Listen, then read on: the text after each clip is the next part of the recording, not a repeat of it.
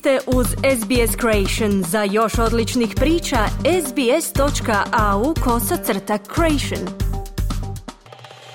Slušate radio SBS na hrvatskom jeziku. Ja sam Mirna Primorac. Savezna vlada predlaže nove zakone za smanjenje participacije za recepte u Pharmaceutical Benefit Scheme, šeme subvencioniranih lijekova – uz visoku inflaciju premijer Anthony Albanese kaže kako će ovo ublažiti pritiske na životne troškove za mnoge Australce. Kada je Gregovu sinu Simonu dijagnosticiran dijabetes tipa 1, svi su u obitelji bili šokirani. Was,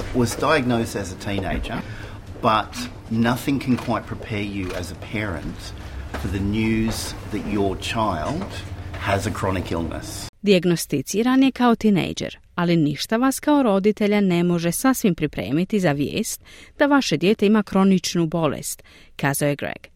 Kontrola razine inzulina od tada je postala sastavni dio obiteljskog života, ali priuštiti si lijekove nije bilo lako. Type 1 diabetics they require two types of insulin plus other medications around it plus equipment plus good food and as a parent you're never going to want to choose between Dijabetičarima tipa 1 potrebne su dvije vrste inzulina, plus drugi lijekovi u sto plus oprema i dobra hrana, a kao roditelj nikada nećete htjeti birati između možete li priuštiti ovaj određeni lijek i možete li si priuštiti nešto drugo, dodao je Greg. Savezna vlada uvodi zakone za smanjenje cijene lijekova koji se nalaze na listi subvencioniranih lijekova. Prema novom prijedlogu zakona cijena lijeka koji se nalazi na toj listi smanjit će se sa 42,5 dolara na 30 dolara, a promjene će stupiti na snagu 1. siječnja 2023. godine. Premijer Anthony Albanese kaže da će to pojeftiniti mnoge lijekove za sve Australce. We'll be introducing to ensure that measure can take place by reducing the cost from $42.50 down to $30. This will make a real... Parlamentu ćemo predložiti zakone kako bismo osigurali da se ta mjera može provesti.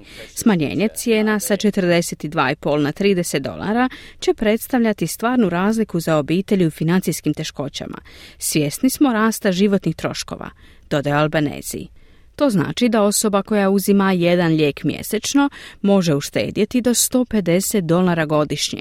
Za osobe koje uzimaju dva do tri lijeka ta bi ušteda mogla iznositi od 300 do 450 dolara godišnje. Premijer je promjenu zakona najavio u Ljekarnju Kamberi, govoreći zajedno s ministrom zdravlja Markom Butlerom. We know that household budgets are under unprecedented pressure. And the bill that we'll be introducing this morning will ensure that for general patients, the maximum price for medicines will be slashed by almost one third from the 1st of January Znamo da su proračuni kućanstava pod neviđenim pritiskom, ali prijedlog zakona koji ćemo predstaviti osigurat će da se maksimalne cijene lijekova smanje za gotovo jednu trećinu od 1. siječnja 2023. godine sa 42,5 dolara na 30 dolara. Osoba koja ima jedan ili dva recepta mjesečno uštedjet će do 300 dolara godišnje. Obitelj koja bi mogla imati tri recepta i plaća lijekove po najvišoj cijeni uštedjet će 450 dolara godišnje. Gotovo 200 milijuna dolara vratit će se u džepove pacijenata kao rezultat ove mjere svake godine, kazuje Butler te dodaje da će od ove mjere imati koristi milijuni Australaca.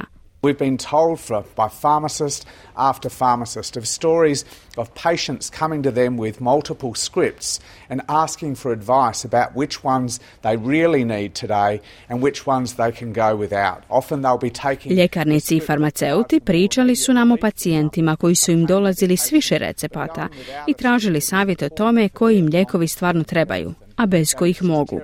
Često bi uzimali lijekove koji im pružaju neposredno olakšanje, na primjer lijekove protiv bolova, ali ne mogu si priuštiti lijekove koji su važni za njihovo dugoročno zdravlje, a to je užasno za javno zdravstvo, dodaje Butler.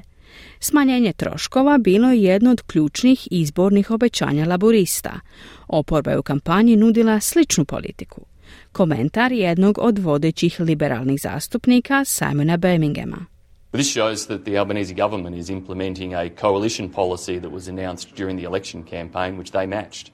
Uh, so I welcome the fact that they are implementing coalition policy What we're yet to see from them is any sort of comprehensive plan about their own approach to tackling the cost of living. Ovo pokazuje da Albanezijeva vlada provodi koalicijsku politiku koja je najavljena tijekom predizborne kampanje.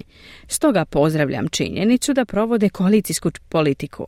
Ono što tek trebamo vidjeti od njih je bilo kakav opsežan plan o vlastitom pristupu rješavanja problema rasta životnih troškova, kazao je Birmingham. Predsjednik udruženja farmaceuta Australije, profesor Trent Twomey, pozdravlja ovaj potez. This is something that's real. This is something that is going to help uh, up to 19 million Australians, not at the end of a financial year when you put in your tax return, but paycheck to paycheck, week ovo je stvarna mjera koja će pomoći do 19 milijuna Australaca. I mi živimo u vrlo sretnoj zemlji. Živimo u vrlo bogatoj zemlji. I Australci ne bi trebali odlučivati kojom će članu obitelji moći priuštiti liječenje, u kojem mjesecu ili bez kojih lijekova će ostati, kaza je Twomi. On dodaje da farmaceuti susreću sve više pacijenata koji si ne mogu priuštiti propisane lijekove. Dodaje da je ovo prvi put u posljednjih 75 godina da će doći do pada cijena lijekova na listi subvencija. So, whether it's Greg and his son Simon that have type 1 diabetes, or whether it's somebody that's on a blood thinning medication to prevent them from having a stroke, or whether it's somebody who's on the expensive preventer puffer from asthma and is overusing their cheaper Dakle, bilo da Greg i njegov sin Simon imaju dijabetes tipa 1 ili je to netko ko uzima lijekove za razređivanje krvi kako bi spriječio moždani udar ili je to netko ko uzima skupe lijekove za sprječavanje astme i pretjerano upotreblja jeftiniju pumpicu za ublažavanje simptoma. Ovo je nešto što će učiniti pravi, smisleni prvi korak ka vraćanju načela univerzalne zdravstvene skrbi u Australiji, kazao je Tvumi. Greg kaže da on i njegov sin Simon pozdravljaju svu podršku koju mogu dobiti. The cost of medication, insulin in particular, is non-negotiable. And so any help that can be done to reduce the cost of that is greatly appreciated. Cijena lijekova, posebno inzulina, nije predmet pregovaranja. Morate imati inzulin da biste živjeli. Stoga cijenimo svaku pomoć koja se može dobiti da se smanje troškovi lijekova, dodao je Greg. Želite čuti još ovakvih tema? Slušajte nas na Apple Podcast, Google Podcast, Spotify ili gdje god vi nalazite podcaste.